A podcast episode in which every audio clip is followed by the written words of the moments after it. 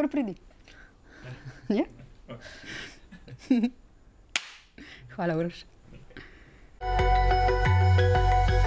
En ena podcast Suzano Lovec. Uh, lep pozdrav, um, spoštovane um, poslušalke, poslušalci, uh, gledalke, gledalci. To je še en, ena, uh, še en, en ena podcast. Uh, z mano sta danes uh, Lana Gobec iz Legebitre. Živijo. In dr. Barbara Rajgel iz Pravne mreže za varstvo demokracije, sicer tudi profesorica, predava pravo na Fakulteti za družbene vede. Živijo. Živijo. Dobrodošli uh, obe, tudi vama, lep pozdrav uh, in um, upam, da se dobro počutite v našem studiu. Super. Zaenkrat se. Um, Kar pojdimo v, k temu najaktualnejšemu, ustavna odločba um, in njen pomen. Skratka, ustavno uh, sodišče je nedavno odločilo, da ureditev, ki istospolnim partnerjem ne omogoča poroke in posvojitve, ni v skladu z ustavo. Uh, nekaj dni je minilo od takrat, um, lahko ste predihali to odločitev, um, kakšen je njen pomen. Um, v bistvu gre za dve od ustavni odločbi. Ena je v zakonski zvezi, druga o posvojitvah. Um, meni se zdi, da je to nek, kako bi rekla, tak velik simbolni in tudi praktični uspeh, posebej pri vprašanju posvojitev. Um, so pa še nekatere stvari, ki ostajajo odprte, kot je recimo uh, umetna oploditev samskih žensk in tudi pač parov.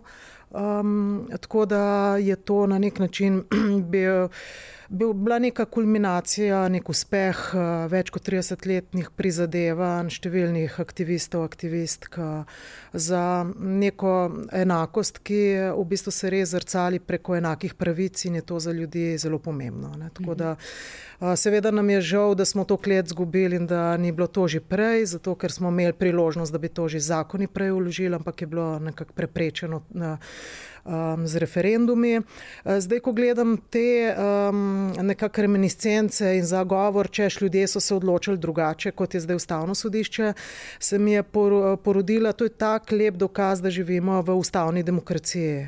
Ustavna demokracija pomeni, da je vendarle volja ljudstva nekako ukvirjena v um, ustavna načela, o katerih ne odločam jaz, pa kolegica pa vi ali pa kdo iz politike, ampak ustavni sodniki. Uh, in tukaj pač je to načelo enake obravnave oziroma prepovedi diskriminacije zelo pomembno. Na določen način v bistvu ščiti manjšine, in kadar ni res tehnih razlogov, da bi se ljudi različno obravnavali, pač potem se jih, jih je treba obravnavati enako. Lana, kako vidite to, to prelomnost? Vsi, ne, vsi naslovi so takrat bili, da ta dan, da gre za prelomno odločitev. Ne, odločitev vsekakor je prelomna. Je, kot je Barbara povedala, po dolgotrajnem boju, lahko bi že bila prej, sedaj smo končno prišli do tega. Um, tukaj je res. Um, Marsikdo reče, ja, pa sej je bil, vse imajo partnerstva, zakaj bi pa potrebovali zakonsko zvezo, ne, sej, kaj pa je razlika, ne. In ko imaš ti zakonodajo, ki v bistvu že v originalu nekako razlikuje neka partnerstva, neko vrednost partnerstva, če ne drugo, kot da v imenu že daje vedeti družbi, da je nekaj manj vredno, da je nekaj drugače, da nekaj ni tisto, kar pač naj bi bilo v družbi sprejeto. In, uh, Že tukaj je ta uh, odločba glede uh, zakonske zveze izjemno pomembna, da je zdaj tukaj že na tej simbolni ravni enako je, popolnoma enako je. Ne glede na to, koga ljubiš, s kom se želiš poročiti, pravno je pač dožnosti in pravice so popolnoma enake in ime je popolnoma enako. Tako da um, to je eno sporočilo družbi, kot pa seveda tudi še posebej pri posvojitvah uh, ta. Eh, pravne posledice, da resnično prihaja sedaj do enake obravnave, da ni zdaj nekdo izključen iz postopka, spet samo zaradi tega, s kom je v partnerstvu. Se ni bil zaradi česar koli drugega izključen. Mhm. Izključen je bil zaradi partnerja oziroma partnerke oseba oziroma par. Ne pa zaradi tega, ker bi bil slab starš, ker ne bi bil primeren. Do teh presoje do zdaj sploh ni prišlo. Zdaj bo pa končno lahko tukaj potekala tudi enaka obravnava za v bistvu uh, istospolne pare. In ja, v bistvu pri Legevitri smo takrat, potem po referendumu 2015, ko je bil, smo pozdravili, seveda, sprejem zakona o partnerski zvezi. Odpravil je, mislim, da več kot 250 primerov diskriminacije, ko ste jih takrat, Barbara, tudi bila zraven v tisti pravni analizi. Odki, v bistvu nekako um, izpostavili. Ne. Prej smo vedeli, da je, nikoli se pa ni vedelo, kako resnično je bila uh, istospolna skupnost pred zakonom o partnerski zvezi um, diskriminirana. In um, takrat so potem ostale še v bistvu samo tri OBMP.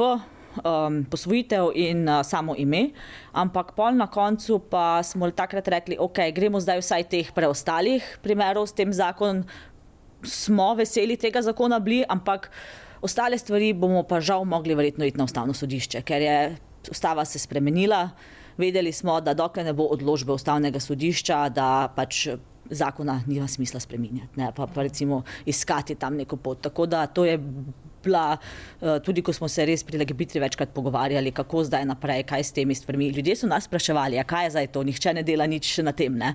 Ustavno sodišče ima primere, ustavno sodišče presoja in končno po toliko letih zdaj um, je ustavno sodišče tudi tukaj odkrilo to v bistvu diskriminacijo in drugačno obravnavo, ko smo skozi vedeli, da je, skozi trdili, da je, ampak pač neko daljšo pot. Po sili razmer potrebovali, da se je to odpravilo. Um, v teh dnevih, od, odkar uh, imamo ti odločbi, um, je bilo kar nekaj tudi političnih odzivov. Uh, kako uh, komentirate vidve te politične odzive, ki smo jih slišali? Um, kako vidite odziv politike? Da se ustavna odločba ne bo uh, spoštovala. Recimo, ja. Ja, um, ja. Mislim, ustavno sodišče je tisto, ki pove, kaj je v skladu z ustavo in kaj ni edini, ki lahko v bistvu presojajo. In uh, presodili so. Ja. To to. V pravni mreži ste uh, vi že opozorili, ne, da uh, obvezne so vse odločitve ustavnega sodišča. Odzvali ste se na uh, NSA-jevo napoved nasprotovanju noveli družinskega zakonika, ki bo temeljila na nedavni odločbi ustavnega sodišča. To je nezakonito, ne, kar nameravajo, ste zapisali. Uh, zakon o ustavnem sodišču namreč določa, da so odločbe ustavnega sodišča obvezne, s čimer se uresničuje načelo delitve oblasti. Če državni zbor ne izvrši ustavne odločbe, s tem posega v pristojnosti, ki jih ustavnemu sodišču daje ustava. Državni zbor mora zato poskrbeti za izvršitev ustavnih odločb, pri tem pa poslanci ne smejo zavrniti izvršitve ustavne odločbe, ki ni v skladu z njihovim osebnim prepričanjem, saj sicer ravnajo nasprotjo z zakonom. Um, o čem se torej pogovarjamo tukaj, če, če, če, ko smo slišali te napovedi? Kako je možno, da poslanci in um, politiki verjetno vejo, kakšni so zakoni in da so ustavne odločbe, pač, okay. da jih je treba tako. O čem se torej pogovarjamo, zakaj gre? V bistvu ne morem reči, da je to prvo nespoštovanje uh, ustavnih odločb, ampak je pa to prvo eksplicitno pripoznanje in, uh, kako bi rekla, um, uh, tako aktivno ak, izkazovanje aktivne ignorance in, in odpora do odločitev ustavnega sodišča. Do zdaj jaz se ne spomnim primera, da bi a, kdorkoli v političnem prostoru a, rekel, a, mi razumemo, kaj odločba pravi, a, pravi ena in dva, ampak mi bomo naredili minus ena in minus dva. Tega, te, kako bi rekla, te arogance, um, te, tega arogantnega pripoznanja, da deluješ nepravno. Uh -huh. Do zdaj nihče ni na tak način ekspliciral.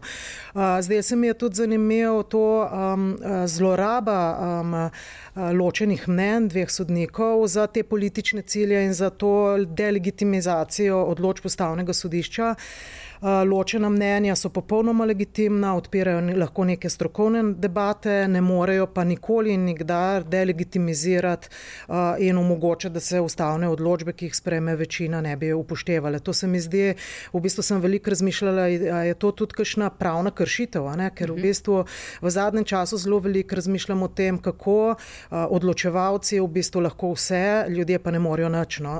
Tudi, da pravni red preprosto na take, bi rekla, um, brutalno nespoštovanje prava ni pripravljen. V bistvu mi smo po vojni živeli v nekem navideznem sistemu demokracije, uglajenih politikov, ljudi, ki so nekako vsaj niso šli kontra uh, pravu, ampak so morda kdaj obšli pravo. Zdaj pa živimo v času, ko um, preprosto uh, so edina in ultimativna stvar pridobivanje političnih točk in to lahko tudi na račun pravne države, spoštovanje človekovih pravic in tako naprej. In to me skrbi na nek način, ne morem reči, da me to ne skrbi, ker tak stavek odpre deset novih opcij za nespoštovanje. Ne. Uh, jaz sem velika zagovornica tega, da se ustavne odločbe mora spoštovati tudi, kadar nam ne, ne paše, da tako rečem. Ja, predvsem takrat, ko nam ne paše. Predvsem takrat, zato ker ampak politiki so pa, veste, zelo dvolični. Jaz nikoli ne morem reči uh, nečesa, kar v bistvu, če pa pri verskih šolah ali kakorkoli jim rečemo, nismo, z, z, uh, tudi tam bi bilo treba pač že v tistem času, ko se je o tem odločali, res slediti. Včasih je pa res so vsa ustavne odločbe tako nejasne, ne? ampak tukaj ni bil problem nejasnosti, tukaj vsi vejo, zakaj gre in nasprotujejo izvršitvi. Kaj torej pričakujete? Ma jaz pričakujem malo, na, bi rekla, ne rečem nagajanja, pač pa zavlačevanja te, tega postopka sprejema um, novele družinskega zakonika, ampak tega se ne da, ki dost, um, bi rekla, zavlečevati, zato ker je ustavno sodišče že vse povedalo in povedalo je tudi, da dokler zakon ne bo uh, noveliran, da v bistvu že velja zakonska zveza, torej da je ne, nekako je anticipiralo, zato ker ve, v kakšnem prostoru političnem živi, uh, to, da bi se lahko z raznimi manevri zavlačevalo in je že samo neko prehodno ureditev postavilo, zato da ta zavlačevanja ne bi vplivala na pravice ljudi. Mhm. Ja, zavlačevanja vsekakor. No, to mislim, da je nekaj, kar um, se zna zgoditi. Veliko populizma, kot smo ga zdaj videli, ko vedo, da mogoče ni tako, pa da ustavno sodišče je reklo, da je potrebno neko zadevo urediti, ampak vseeno uh, poskušajo nekako neka druga sporočila dati v javnost. Um, pa tudi v bistvu. Ustava je zelo jasna. Ustava pravi, da za zakone, za katere je bila pač ugotovljena um, protiustavnost, ni možno imeti uh, referenduma, oziroma za zakone, ki te protiustavnosti odpravljajo. In uh, pričakujemo, da bo v bistvu v najkrajšem možnem času ta zakon začel veljati in da bo v bistvu do takrat pa odločbe so jasne, ampak do takrat pa. Uh, um, zakonska zveza je zveza dveh oseb. Uh -huh. uh, jeseni imamo uh, predsedniške volitve. Ne? Vidite tudi v luči tega predvoljivnega dogajanja to kot neko temo, ki um, bo komu pomagala nabirati politične točke. Na razpihovanju. Ja, v preteklosti je obema stranema, kdaj pa kdaj ta tema prav prišla. Tako bom rekla. Jaz si želim, da ta tema ne bi bila tema, ker že o njej vse vemo. Um, tudi to v bistvu se premalkrat poudarja, ker je poudaril um, dr. Pavčnik v svojem pritrdilnem ločenem mnenju, da tukaj ne gre uh, za, zlasti pri posvojitvi, govorim za pravice um, odraslih, da tukaj gre za samo neko možnost umestitve v nek postopek, gre pa za potencijalno najboljšo korist otroka, da je posvojen v potencijalno najboljšo, ki jo ne moramo anticipirati za naprej. To ni neka abstraktna družina, to ali pa abstrakten par ali pa abstrakten posameznik, ki posvaja, ampak v nekem postopku, kjer sodelujejo res strokovnjaki, ki se s tem ukvarjajo, se ugotovi, kdo je najboljši posvojitelj za nekega otroka. In če in, uh, bi rekla, vnaprej izločimo neke ljudi, potem lahko temu otroku naredimo škodo. To smo poskušali že takrat pri uh, referendumih o tem govoriti. Recimo, če bi kaj stvem, bil nek uh, otrok iz neke moje širše družine na mene in mojo partnerko navezan, ker bi se potem bi se pa njegovim staršem nekaj zgodil. Morda bi pa vendarle že zdavnaj bilo primerno, primerno in do, predvsem dobro za tega otroka, da bi tudi mi dve lahko kandidirali za posvojitev. Ne, pa ne pravim samo ta izjemen primer, lahko so tudi drugi primeri.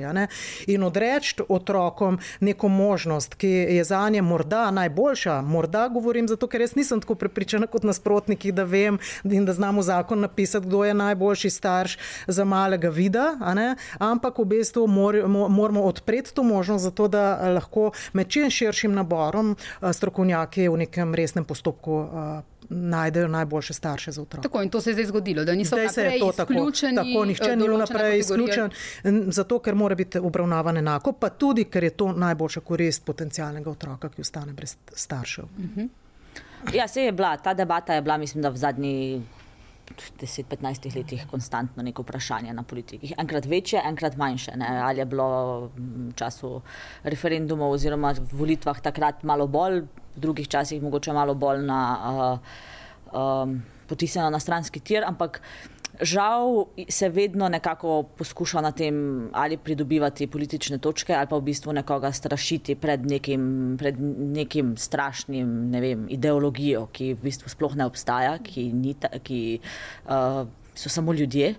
In uh, tukaj. Um, Vemo vse, kaj je bilo napisano po družbenih omrežjih, ja. tudi po teh odločitvah ustavnega sodišča, kaj se bo dogajalo, kaj bo z otroki, ta strašenja, ta v bistvu razpihovanje nekega sovraštva in nekega strahu, ki je uh, povsem nerealen. Ne. Točno to je, nerealen je. Ne. Bo se pa vse dogaja, se verjetno tudi bo dogajal, zdaj ali več ali manj zaradi uh, še teh dvojnih volitev, to je sicer težko predvideti, ampak se mi zdi tukaj pomembno, da se pa potem ravno te neke um, zgodbe o realnem življenju, da v bistvu ti strahovi so neupravičeni. Mislim, če sam pogledamo posvojitve, zakonsko zvezo, um, mislim, da smo zdaj 17. evropska država, ki to ima in v tistih državah ni do ničesar takšnega prišlo, o čem strašijo, kaj naj bi bilo, konec sveta, apokalipsa, konec tradicionalne družine, uh, konec matere in očeta. Ne.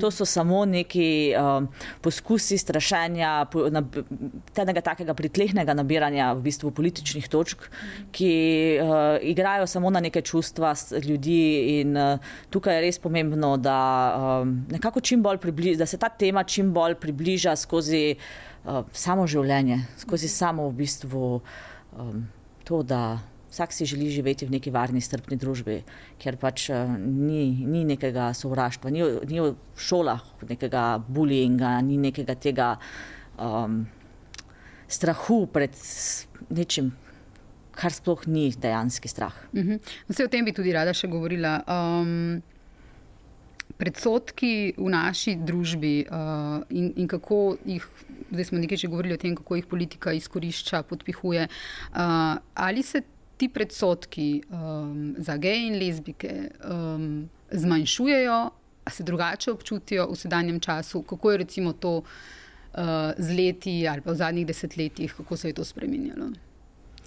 To jaz mislim, Lana, ti, da veš več te podatke. Jaz ne spremljam toliko socioloških -hmm. raziskav. Um, mislim, da če sam pogledamo, recimo, um, zelo, evo, raziskava, zelo ena taka številka, stvari, eh, če pogledamo z, te, z tega vidika. Obstaja eno vprašanje v um, slovensko javno mnenje v raziskavi, uh, koliko ljudi si ne želi homoseksualca za soseda, uh -huh. z temi besedami je navedeno. In je bil, ne vem, 30 let nazaj ta procent, mislim, da preko 60. Če se ne motim, sem na zadnje nekje prebrala, uh, da je sedaj 23. Ne. Tako da ta zade, to pada, to sprejemanje, to nekako uh, zmanjševanje predsotkov je bolje uh, za. Um, Ja, istospolne pare. Uh, recimo, če pogledam samo na Legibitro, Legibitra je nekako v začetku, v ta konec 90-ih, ko se je ustanovila, to so bili v bistvu skupina za istospolno usmerjene. Ne? Sedaj na našem pa svetovalnem programu, recimo pa na našem mladinskem centru, imamo pa veliko več recimo transspolnih oseb, uh -huh. ki potrebujejo več podpore, ki potrebujejo več uh, nekega, um, neke družbe, neke. neke ker ta tema, transpolnost, pa še vseeno je v družbeno manj sprejeta, je manj, um, več je neznanja o njej in lažje je potem zaradi tega, ker je več neznanja, več nerazumevanja, je lažje strašiti. In uh, če zdaj pogledam res iz te ne, na, neke naše uh, perspektive oziroma tega, kaj Legibitra dela, uh, bi rekla, da tukaj uh, se pozna, da se k nam obrača uh, več transpolnih oseb, tudi zaradi uh, tega, ker za istospolne, še posebej v, ne vem, v urbanem okolju. V urbanem okolju je nekako v Sloveniji že zelo ok sprejemanje. Ne? Seveda, nikjer ni perfektno. Vidimo, kaj se je na norveškem zgodilo, vidimo, kaj se recimo dogaja. Ne? Niso to uh, uh, popolnoma varnega okolja, žal ni. In um, vseeno pa za um, geje in lezbike tukaj se je, mislim, da marsikaj uh, spremenilo, izboljšalo, tudi zaradi uh, vseh teh uh, v bistvu odločitev o partnerstvih, od kako se je počasi uh, 30, 33 letih, mislim, da je eh, tega boja za enako zakonski zvez ta tema nekako eh, približala javnosti. Eh, me pa tudi zdaj veseli, ko sem videla, recimo. Na Facebooku so bili zapisi um, ene transpolne osebe, ki je zelo, uh, na zelo oseben način uh, nekaj dni nazaj zelo dobro približal to, kaj to pomeni, kaj je ta oseba šla skozi. Um, pa enega očeta, ki je pa iz njegove perspektive povedal, um, kako kaj pomeni biti oče transpolnemu otroku. In to so tiste zgodbe, ki potem uh, ljudem res približajo, ki jim odstranijo to tančico, ki zmanjšajo strah in so. Uh, Zelo, zelo pomembne. In to je bilo, mislim, da vse v zadnjem, v zadnjem tednu se je zdaj to pojavilo in dokaj šlo okrog. In je tako, um, to je tisto, kar v bistvu na koncu tudi uh, spreminja družbo in dejansko pomaga, da postajamo neka uh, bolj strpna družba. No, tudi o transpolnosti bomo načrtujemo en podcast oziroma mm. eno temo uh, posebej, uh, ker je uh, absolutno treba o tem več govoriti. Um, če se vrnem nazaj um, k odločitvi ustavnega sodišča, uh, pogledala sem si ta filmček uh, od Poncija do Pilata, ki je bil v cukrarni uh, predvajan. Uh, gre za kratko zgodovino sprejemanja družinskega zakonika. Um, In konča se nekako tako, in tako smo zdaj tu, po osmih predlogih zakonov, po štirih sprejetih zakonih, po dveh referendumih, po enem odločitvi vrhovnega, eni odločitvi okrožnega sodišča in po šestih odločitvah ustavnega sodišča. Um, me, ko človek gleda teh uh, skoraj 40 minut uh, o tem, o tej poti, o vseh zakonih, o vseh sestankih, o, o vseh referendumih, o vseh odločitvah, o vseh um, kompromisih, ki niso bili kompromisi. Um, V bistvu so samo našteti fotografski podatki, no, nobenih čustev ni v tem filmu, ampak nekako um, te prizadene. Koliko časa uh, traja, da, um, da nekdo se lahko poroči z nekom, ki ga ima rad. Um, mislim, mene osebno je prizadel ta film. Um, tako da, um, kako ja. je odmeval recimo, ta film, ko ste, ko ste predvajali? Se pravi, v njem ni čisto nič čustvenega, zgolj našteti fotografski podatki. In še to ne vsi. Uh, in še to verjetno ne vsi. Ne? Um, in v tem filmu tudi uh, se konča, ne, da sta Mitja Blažič in Viki Kern na prvi uh, paradi ponosa nosila transparent Hočeva ohcet. Uh, in potem reče ta glas, in jo po 21 letih se jim je ta želja uresničila, njima in še marsikomu drugemu. To je to v bistvu, kar zadane. Uh, koliko let je bilo potrebnih, da se dva človeka, ki se hočeta poročiti, lahko poročita, enako kot jaz, pa en moški. Ja, to je bil, v bistvu smo nekako pripravili eno praznovanje v baru v Cukrarni in za ta namen je dr. Roman Kuhar pripravil, on reče temu PowerPoint. Ker smo rekli, ker smo rekli da bo PowerPoint. Ja. Ja, Prosila sem ga, če lahko bi malo povedal o zgodovini, pa en PowerPoint pripravil. Tukaj imamo sedaj ja, PowerPoint. Ja, je to bilo pač na srečo, ono očitno arhiv tako zelo dober, da je lahko zelo hitro to pripravil. Mislim, da je presnemaval VHC kasete celo. Ja, da... ja tisti prvi posnetki so res stari, to, gre, to so bila leta in leta, ampak eh, boj je bil od začetka enak. Samo hočemo samo enake pravice, kot ima moški in ženska tudi če sem ženska in ženska in moški in moški. To je cel point od začetka. Zato, zato tako pretrese, ker v bistvu tako dolgo trajala ena, ena taka v bistvu malenkost. Ne.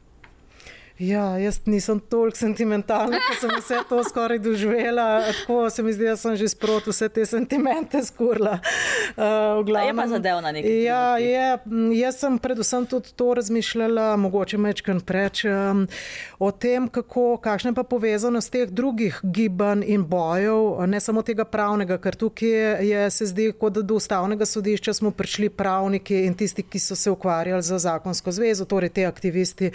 Ampak v bistvu da je ustavno sodišče tako odločilo, kot je, je bila potrebna neka družbena sprememba. In do te družbene spremembe so pripeljali tudi literati, eh, LGBT provenience, ne vem, gledališčniki, ljudje, ki um, skrbijo za, kako bi rekla, recimo te prostore, kot so pri njih, ali pa za klub, klubsko življenje, nočno življenje, izjemno pomembno za neko, bi rekla, krepitev mladih ljudi, da se lahko nekje srečujejo, za gostinske lokale. Skratka, tukaj je ogromno enih ljudi in tudi zanimivo je, da so do ustavnega sodišča zdaj do teh dveh odločb prišli, bi rekla, civilisti, ne, ne aktivisti. Ne.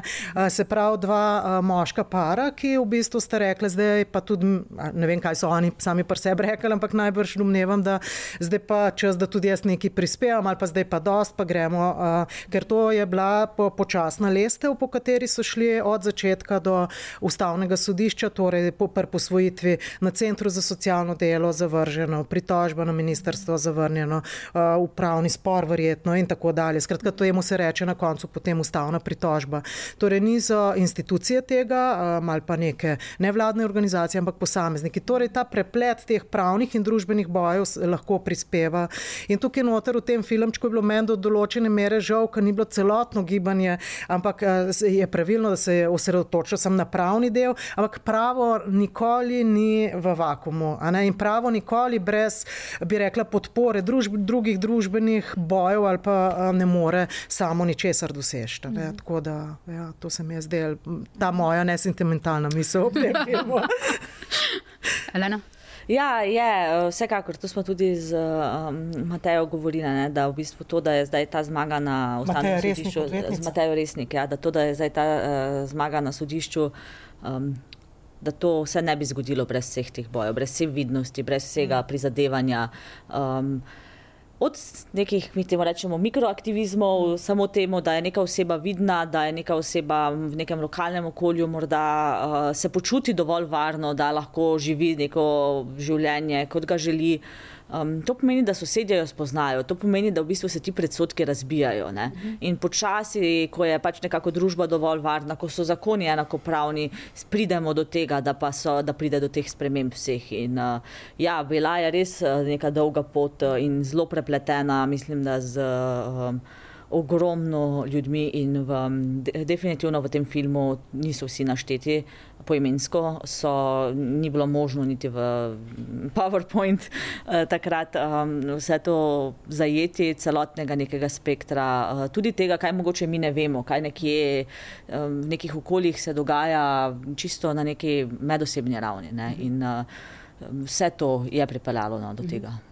Um, jaz bi uh, zasledila, zdaj, ko se je pri NSI-ju um, pojavilo to nasprotovanje ne, tem odločitvam, um, uh, se veliko krat to zvede na ta tako imenovani zdravorazumski uh, argument, uh, da je najboljša oblika družine uh, družina mame, očeta in otroka. Uh, in uh, čutim, sem čutila že uh, ta vikend uh, kot novinar, ki pač je zavezan dejstvom, uh, povedati javnosti, da, da, da v bistvu uh, to ne drži.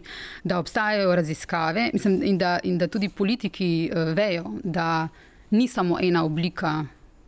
Edina in najbolj uh, dobra za otroka, ker obstajajo znanstvene raziskave, um, dolgoročne znanstvene raziskave. To je recimo britanska znanstvena revija New Scientist, navaja jasno, eh, že pred leti, da so znanstvene raziskave na to vprašanje dale jasne odgovore. Pišejo, da so dolgoletne študije lezbičnih družin pokazale, da lahko dve mami zagotavljata prav tako dobro vzgojo otroka kot heteroseksualni par. Tudi študije gejovskih družin z dvema očetoma so prišle do enakega zaključka. V ZDA je več eh, velikih študij lezbičnih, gejovskih in heteroseksualnih družin pokazalo, da med njimi ni nobene razlike v starševski toplini, obnašanju otroka, čustvenih težavah, ki jih otroci doživljajo, ali njihovi psihosocialni prilagoditvi. To smo objavili to nedeljo v enem članku. Samo toliko, da spomnimo, kje so dejstva, ker se, bo, ker se to pojavlja še vedno kot argument, da bi bilo treba torej, istospolne pare izločiti iz možnosti posvojitve. Uh, Um, in tudi v tem filmu ne, sem videla, da je Društvo psihologov že junija 2011, uh, Društvo psihologov Slovenije, uh, opozorilo javnost, da znanstvena spoznanja kažejo, da se razvoj od, otrok v družinah z istospolnimi partnerji v nobenem ključnem aspektu ne razlikuje od razvoja otrok v heteroseksualnih družinah. Um, sem prepričana, da politiki vejo, da te znanstvene študije obstajajo, ta argument se skozi pojavlja, ker pač očitno sede najbolj na vem, psiho ljudi. Um, kako na to gledate? Mislim, da je ravno to, to je bilo iz prvega referenduma, ne, 2011. Uh, društvo psihologov pa je rekel, da nekje pa se razlikujejo, ne? da se razlikujejo pri tem, da bolje sprejemajo uh, raznolikost. To, to, to, to, pa je, to pa je bilo podarjeno tako na koncu. Da, uh, Morda je bila edina ta razlika, vse ostalo pa dejansko, kot navajajo vse raziskave, Um, nekje jih imam zbrane, no, ampak ne vem jih na pamet.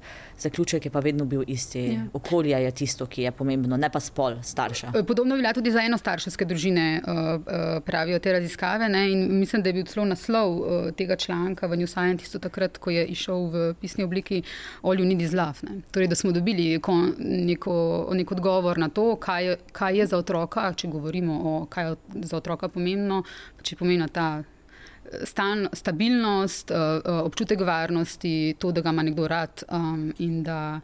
Da v bistvu, uh, lana, tistimi, lani, ko uh, smo imeli uh, uh, intervju uh, o tej problematiki uh, LGBT, um, mislim, da je bil prav naslov, da, da vsak otrok mora slišati, da ga starši ima rad in ga, ga podpira. Ne? In ko govorimo o avtiranju ali pa o um, težavah mladih, um, ki bi se radi razkrili staršem, o tem bi rada danes tudi nekaj rekla. Veliko staršev, um, to mi povejo, geji in lezbike.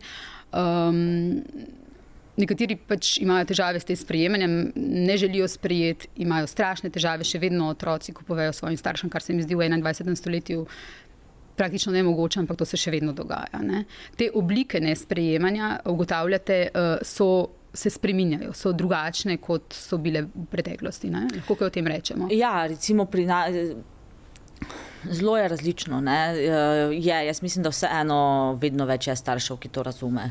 Um, tako ali mm, neko nenormativno spolno usmerjenost ali spolno identiteto. Tukaj se neko razumevanje veča, žal pa so še vedno primeri in um, tako pri spolni usmerjenosti kot pri spolni identiteti, ko dejansko starši tega ne razumejo, ko v bistvu uh, poskušajo. Um, ja, žal jih tudi peljati na zdravljenje, da jih ozdravijo homoseksualnosti. Tudi te primere smo že imeli pri legibitri. Um, pri nas reparativna terapija ni eksplicitno prepovedana, in uh, v bistvu to je tudi nekaj, kar bomo v prihodnje uh, se pri legibitri več začeli ukvarjati. Um, nas je presenetilo, koliko v bistvu, da, se, da, da se še vedno to dogaja.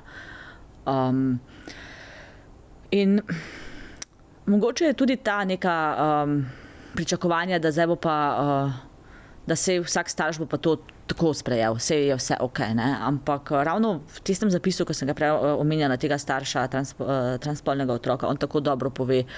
Da, bil, da, da on v tistem trenutku, ko je to zvedel, ni mogel reagirati, je bil wow, mhm. ok. In je rabo ta čas procesiranja. Ne? In tukaj. Um, razume, se seveda razume, da, da, da, da pač neki čas, da se z neko to, nekim pričakovanjem, ki ga morda imaš za nekega otroka, oziroma nekih želja, um, da se je potrebno s tem soočiti, da je potrebno to procesirati. Ampak na koncu pa vseeno v večini primerov potem uh, tudi starši razumejo, podpirajo otroka popolnoma enako. Um, um, če, če gremo torej zdaj širše, ali pa da zelo konkretno in jasno povemo staršem, ki nas poslušajo ali pa gledajo. Um, če ima nekdo otroka, mladostnika, uh, ki svojemu staršu pove, da je gej, lezbika, transpolna oseba, karkoli. Na kak način naj starši reagirajo? Mogoče res nekateri starši samo ne vejo, na kak način naj pristopijo. Recimo. Jaz bi rekla v prvi vrsti mu verjeti otroku, um, pa vprašati, kako se počuti, um, kako, kaj v bistvu uh, želi od starša, kako ga lahko podpre um, se pogovarjati z njim, imeti neki dialog in ne v bistvu. Naj, najhujše je tisto, joj, to je pa samo faza, ne, to pa ni res, to je zdaj samo neki trend. Ne. Uh, poslušati in poskušati razumeti, in se pogovarjati z otrokom, da se potem pride do nekega uh, dialoga, nekega odprtega pogovora, uh, ki je pač tisto, kar uh, je potem lahko temelj in tudi naknadno njunega uh, odnosa. Ker žal pa še vedno obstajajo tudi primeri, ko otroci ne smejo več domov, Ja, sej tukaj. Um, ja. Veliko je tega, ne? poleg tega, kot sem rekla, zdravljenje, to je nekaj izmed tistih, se zdi, najhujših uh, oblik, kaj srečamo do tega, dokler boš pod mojo streho. Um, dokler se pač uh, živiš za moj denar, boš delal tako, kot uh, ti tukaj pravimo, pa ne boš imel fanta ali pa punca ali pa nekaj takega. Um, tako da to je neka druga oblika nasilja, ne? to je ekonomsko nasilje, mi temu pravimo, ki ga potem v bistvu starš nad uh, otrokom lahko izvaja, uh, ki je pa tudi prisotno um, v neki meri še vedno uh, žal.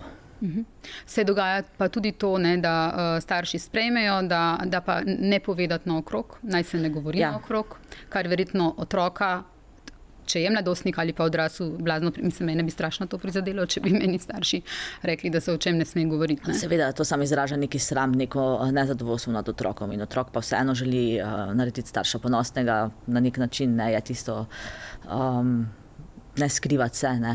Če je zbral ta pogum, da pove staršem, da verjetno prijatelji, prijateljice vedo, ne, potem pa starš v bistvu pride s tem, joj, ne, sam to pa ne smejo ljudje vedeti. Ne. To je nekaj, kar uh, šokira in kar v bistvu ne prispeva k temu, da se uh, nekako pride do nekega ok odnosa, pa do nekega sprejemanja. Bo to otrok razumel kot neko veliko nerazumevanje. Po mojem, predvsem bi jaz rekla, da si ne smejo starši ustvariti. Uh, predstave o tem, kako, zgleda, kako bo izgledalo življenje njihovih otrok na podlagi tega, kar vidijo na SDS glasilih. Ker tam so vsi prvezani na špage, pa po, po, po, po, po, po tleh se vlačijo po vseh štirih, čez več tako. Drugač smo pa v osnovi eh, precej dolgočasni, cele dneve delamo, vzgajamo svoje otroke, ki so zdaj že odrasli ljudje, nekateri so majhni, dnevno pač, eh, ko vzgajaš otroka, imaš vprašanje, ali je bilo vsaka odločitev, ki jo narediš, prava, ali je bila napačna. Uh, sprašuješ se, kam kaj je cilj, kaj je, kaj je mera za dober vzgojiti otroka. Hočete reči isto kot mi, heteroseksualni starši? Uh, isto ja. kot mi vsi, imamo mi vsi Tako. te zelo konkretne in, in to najbrž te politiki, ki jahajo na tem vprašanju, niti ne vejo, ker jaz mislim, da te fantje bazično ne vzgajajo svojih otrok, zato ker jih načni doma. Ne.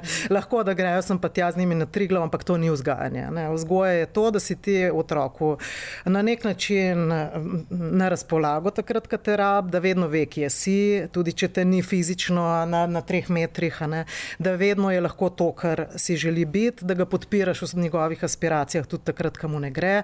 In da verjameš v to, da kar si je izbral, da ga bo motiviral. Meni se to zdi. Eh, moj eh, temeljni eh, strah pri otroku je bil, kaj če se mu zgodi, ali pa če se nam zgodi, da ga nič ne bo zanimalo. In ko sem videla, da ga nekaj zanima, ne, se mi je zdelo, je to pa. To je zdaj to. Mm -hmm. Tako da se mi zdi uh, to, da bi, da bi jaz, oni, te, te nasprotniki zelo dobro vejo, da v resnici uh, jih mocamo, ne da jih motamo, oni pridobivajo politične točke, ampak v osnovi uh, najbrž so tudi njih vzgojile babice, pa mame, ali pa teta. Pa, sploh niso nikoli zares razmišljali o teh, o teh spolih, teh ljudi, ki so jim bili blizu, ampak je to samo zelo uporabna stvar. Verjamem pa, da nekatere družine so pa tako tradicionalne, da imajo pač, ne vem, uh, zelo zelo um, definirane vloge, ampak to ni nujno, da je za vse družine. Kako bi rekla, vi vprašate, katera družina je najboljša? Najbrž vsak upa, da je njegova družina najboljša, ne mislim, ali pa da daš vse, vse od sebe, uh, kar lahko. No, v tem smislu ne. Um, tako da jaz samo upam, da nikomor, ki bi rekla, pride do, do tega vprašanja, da je otrok trans ali pa kar uh, istospolno usmerjen, se ne zateka v kakšne, um, bi rekla, pa, v, uh, propagandni materiale, materiale za stereotipe. V končni fazi, ali so to, najbrž so to neki prijatelji, s katerimi se o tem pogovarjaš. Tako se moraš pogovarjati. Tudi bi rekla, uh, ni nič nenavadnega, če te to zadane. Jaz sem tudi se sprašvala, mislim, se, a, a, a me bo presenetil, če bi bil singaj. Ja. Kvam pa naredila? Kako kva bom rekla? In pa sem že tako, da me ne, za vsak slučaj, da bi se zavarovala, sem ga kdaj vprašala in rekel, da je nekaj. Ne?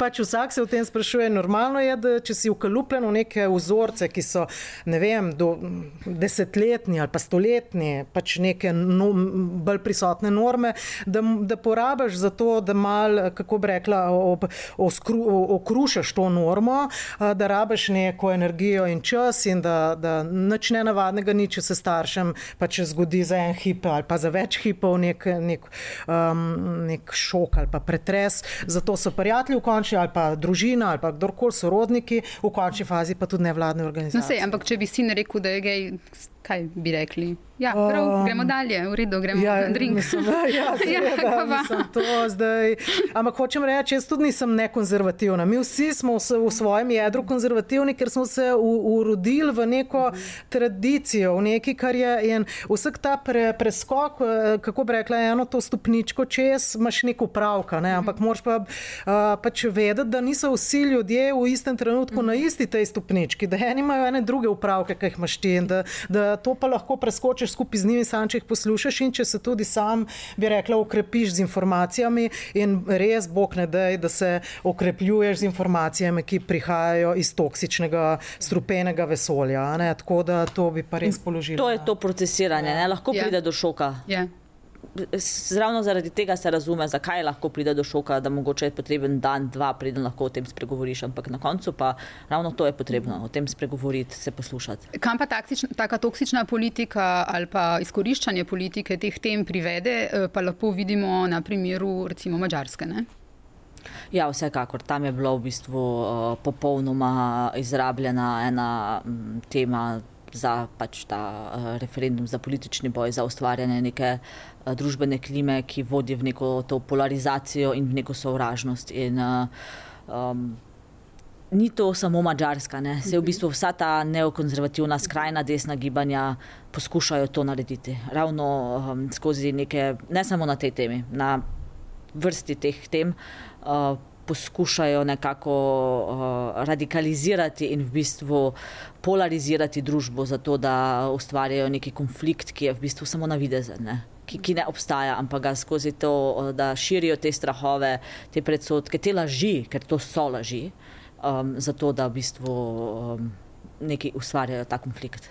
Um, Pred meseci uh, se je zgodila na nacionalni televiziji uh, ena oddaja, kateri, v kateri je uh, gostovala igralka Mija Skrbinac. Um, uh, uh, novinarka večera Urška Mlinarič je napisala izvrsten članek. Uh, po, tem, eh, po tej oddaji eh, in govori o avtiranju. Zdi se mi pomembno, če že tukaj govorimo metri o, o avtiranju, da povemo, da na kak način eh, pristopati k avtiranju. Tukaj je bil zelo poudarek na tem, tako eh, pravi klinična psihologinja dr. Mojca Šoštarič Zvonar. Eh, iz varnostnih, pa tudi čustvenih razlogov ima vsak pravico informacijo o svoji spolni usmerjenosti kot intimnem delu identitete zadržati zase. Eh, Lana, vi ste takrat rekli, zaradi stigme drugačnosti, napadov in stereotipov, ki jih LGBT osebe še vedno doživljajo v določenih okoljih, je odločitev, kje, kdaj in kako se bodo razkrile popolnoma njihova presoja. Urška Mlinarič, ki pa tudi sicer izvrstno piše o teh tematikah, uh, sistematično jo pokriva že leta in leta. Um, Ena redkih novinark ali pa novinarjev, ki res veliko piše o tem in, in se ukvarja s človekovimi pravicami, uh, je pa napisala uh, Barbara o vas, da, ste, uh, da je o tej televizijski oddaji uh, najboljše, da ste vi komentirali na uh, Facebooku. Um, postopek postopnega razkrivanja in pomen uh, postopnega razkrivanja. Um, namreč, vi ste napisali takrat, da razkritja potekajo v koncentričnih krogih. Vsakemu od teh krogov daje soglasje oseba, ki se razkriva, ker vsak krog zahteva pripravljenost in nabirko moči. Razkritje na nacionalni televiziji je zadnji krog tega pekla. Skratka, uh, to v koncentričnih krogih, to pomeni, če spet mogoče uh, izkoristimo ta trenutek za osveščanje ljudi, staršev, kolegov in tako naprej. To pomeni, da ko jaz povem nekomu, povem nekomu in da je drugi krok, čisto nek drugi krok, da nekdo potem to izkoristi, pa pove vsem drugim, ali pa je, je uh, razlika, ali povem to um, trem ljudem, ali povem to na nacionalni televiziji, ali povem to na neki uh, znotraj neke uh, recimo lezbične skupine ali okrogle mize ali karkoli. To je to, ne? to ste imeli v mislih. Ja, mislim, v osnovi bi mogoče vse zdaj iz neke perspektive na takrat eh, daljše rekla, da mogoče ta zdrste novinarke, moderatorke, voditeljce, da je bil mogoče dobro nameren v smislu, vse to ni nič tacga, ne, v tem smislu, ne, ampak eh, vse je pa to, ali je to kaj tacga ali ne, eh, vse je še vedno stvar, ki jo je treba pre, prepustiti tej osebi. No. Ja. Jaz zdaj točno teorije ne poznam, verjetno je tukaj velika um, nekih uh, raziskav v zvezi z razkritjem, ampak jaz sem to iz svoje izkušnje. Ampak ta moja izkušnja je pač stara, bi rekla, zdaj 20 let, od tem prvem koncentričnem krogu in potem tem, da rabiš nekaj časa, ko, se, ko si v prvem krogu, recimo, da so to ponavadi so prijatelji, ni pa nujno, pri meni tako bilo, so šolci na faksu, potem v bistvu rabiš nekaj časa se stabilizirati in se nekako, kako bi rekla, začutiti to, da si varen zdaj v tem krog, krogu. In potem naprej. In tako, in, uh, starši niso doskrat prvi, ne vem, kakšni so podatki, ampak pri meni vsaj niso bili, pa pri mojih znancih. No. Ne, prav... Nacionalna televizija je pa najbrž res ta zadnja. Če se prav spomnim, mislim, da so prijatelji tisti po raziskavah, ki so. Aha mogoče brati, ja. sestre tudi so zelo blizu. Ja, odvisno, odvisno no? ampak ne me tukaj za besedo držati, ampak mislim, da smo imeli nekaj veni raziskave, da, v bistvu v, eh, oziroma, da je bilo v katerem krogu ste razkriti in je bilo največ v bistvu prijatelje. Mhm. Um, ampak ja. Um, Mislim, da ravno tu smo spet pri tem, kaj smo prej govorili, tem procesu. Ne? Skozi ta proces ne gre samo starš, gre lahko tudi LGBT oseba, ker družba je normativna. Družba nam daje neke norme, nam daje uh, vedeti, da uh, če pa nisi heteroseksualno usmerjen ali pa če tvoja spolna identiteta je drugačna, si drugačen oziroma raznolik, poskušamo tu nekako uh, govoriti. In um, je to potem tudi proces lahko za samo uh, LGBT osebo.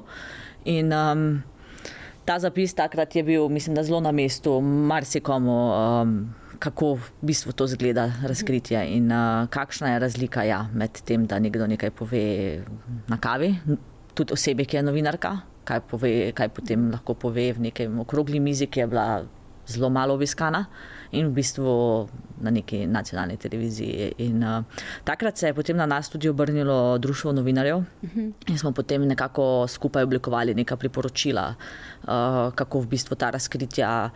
Kako naj novinarji nasloviti? Ja, uh, kako, kako, točno to, kako to naslavljati. Oziroma, ja, ker lahko da je bilo res dobro namerno. Tukaj se jaz, ja. vsej pa živimo v takem času, ko to več ne bi smelo biti nekaj velikega. Zakaj, bi to, zakaj ne bi o tem govorili, ne? da je izhajalo iz tega vidika? Ne? Jaz bi rada sam še to rekla, ne? da, da zdaj, ko razmišljam, ko se to pogovarjamo, da mm, že to, uh, vi ste uporabili uh, besedo pogum, ne? da potrebuješ pogum, da poveš nekaj časa nazaj, nekaj vprašanj nazaj. Uh, ne, in tudi uh, način, Barbara, kako ste vi govorili, um, v bistvu, to, da človek rabi pogum, pa da razmišlja, komu bo najprej povedal. Vse to ni zaradi tega, ker je homoseksualen, ampak zaradi tega, ker ve, da je okolje takšno, kot je. Skratka, uh, da, zdi se mi pač zelo. Uh, Mislim, jaz zdaj uh, res moram podariti, da sem jaz že mečkan starejša gospa v tem smislu. In da to, zdaj, kaj jaz te mlade ljudi gledam, tudi recimo v pritličju, jaz že sploh več ne vem, sploh se več ne sprašujem, samo zvem, da kdo je s kom in ne. To sploh niti ne vem, če, upred, če, če, če se še samo definirajo, so na nek način res morda bolj fluidni, kot smo bili mi. Tega, ni, tudi teh podatkov ja. nimam, ampak morda pa oni nimajo to, to vrstnih težav. Ne bi zdaj hotla v bistvu utrditi narediti nekaj, Svoj, da svoje, ja, svoje, svojega izkušnje. poti, svoje izkušnje in mhm. svoje uh, kot nekaj, kar je norma tudi za nje. Da ne bi kdo mislil, da se mora slabo počutiti in da mora iti skozi peko, skozi katerega sem jaz šla, ni treba. da, zato, ne, ja. ne, ne, vsekakor. Ja, tudi mislim, da se družba spremenja in to se na nekih mlajših generacijah uh, zelo uh, kaže. Mislim, da je bila tudi raziskava Mladina 2020, kjer je v bistvu 60% ljudi reklo, da se. Uh, opredelilo kot um, heteroseksualne. Uh -huh. Ostalih 40 pa nekje vmesne, kar je izjemno velik odstotek dejansko, oziroma ali pa niso hoteli o tem govoriti ali karkoli takega, ampak vseeno ta odstotek je bil uh, dokaj velik. Okay, če smo prej dali nekaj na svete uh, staršem, kako ne reagirajo, ko jim otrok pove, da je normalno ali pa da, je, da so lahko tudi v šoku. Uh, ali pa v nekem spraševanju, kje naj iščejo, torej, da vejo, da lahko iščejo koristne informacije, recimo tudi na vaši ja. organizaciji, da se lahko obrnejo na vas, imajo vprašanja, kako naj, kako naj se obnašajo in tako naprej, da se lahko poučijo, da teh informacij je ogromno in da ni treba, da tavajo. Uh, v, v nekih strahovih, ali kot ste vi rekli, Barbara, um, nekem tem toksičnem okolju, političnem, ki daje napačne odgovore na ta vprašanja. Uh, kaj lahko rečemo za mlade? Če, se, če, če nek mlad človek si želi razkriti, uh, kaj mu lahko rečemo? Recimo, Da ne počne to tako, kot je eh, tej osebi se zdi najbolj primerno. Mhm. Takrat, ko se počuti varno, v okoljih, v katerih se počuti varno. To je tista osnova, ki je uh, najpomembnejša. Ne? Ni samo um, razkritje ali pa vidnost tista, ki uh, je najpomembnejša, ne? ampak tudi to, da oseba se počuti varno. To je osnova.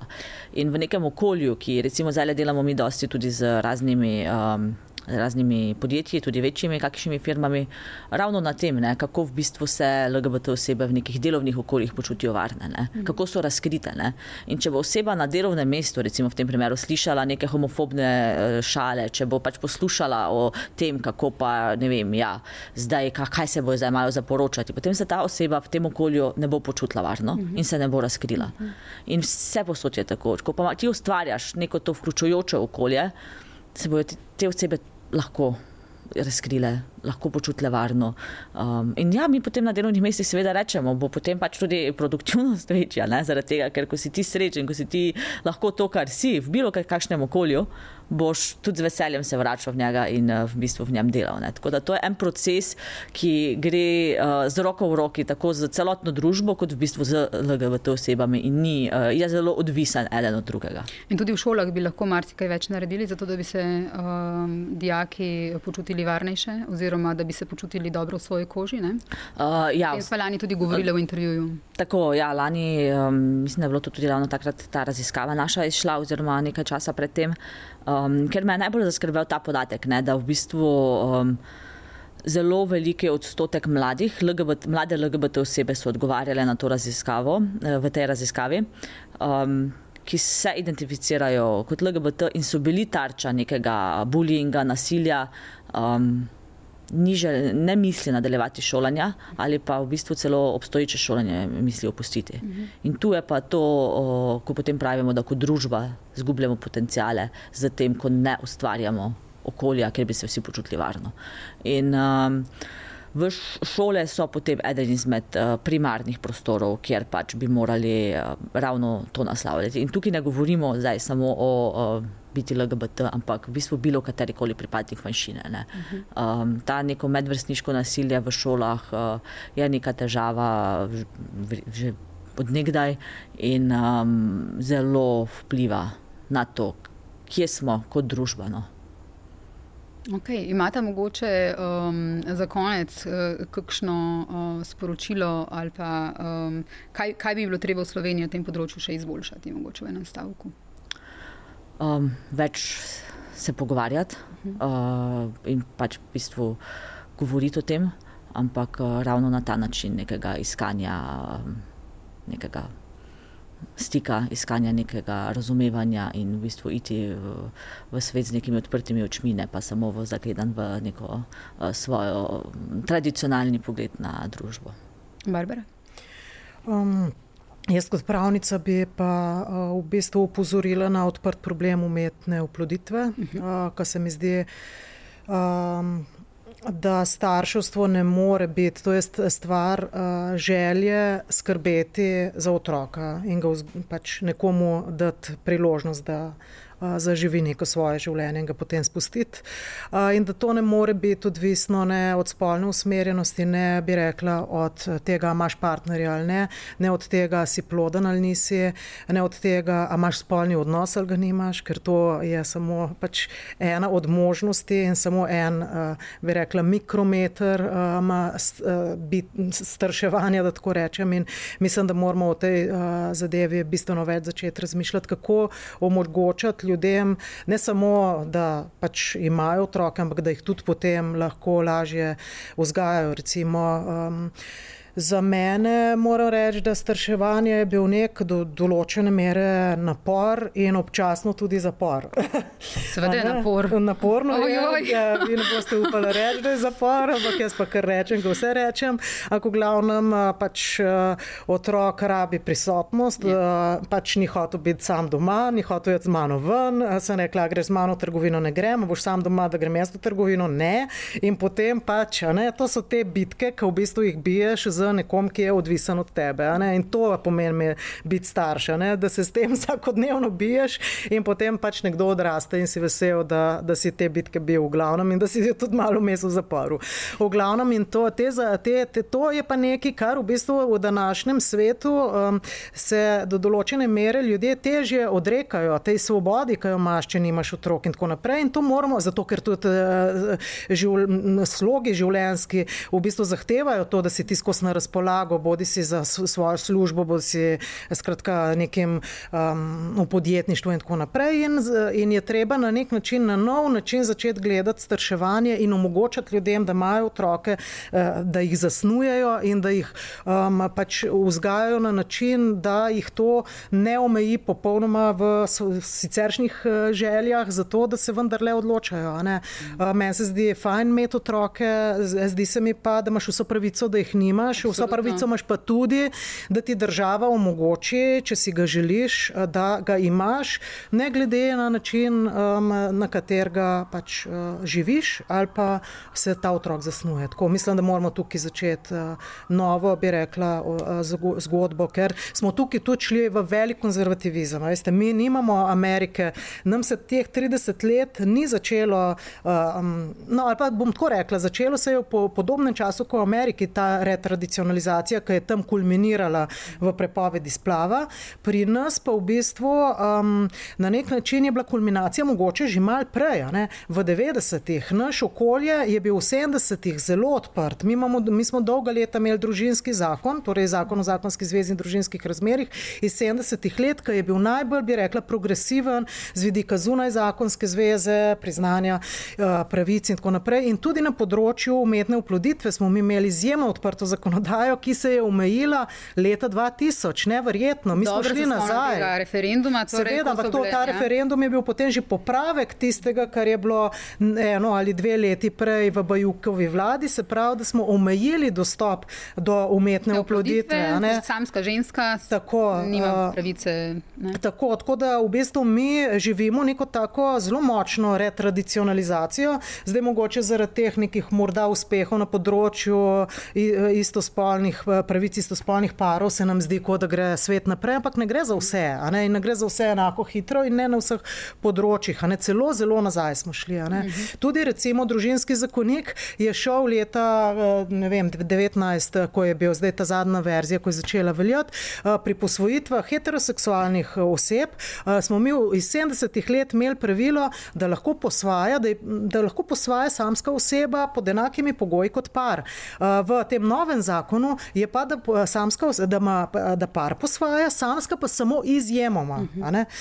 To je spet neka nepotrebna retradicionalizacija, se pravi, že tukaj na simbolni ravni, pa tudi ta izjemoma bo opredelilo pač Center za socialno delo in njegovi, njeni, njihovi strokovnjaki v tem postopku, kdo je zdaj bolj primeren.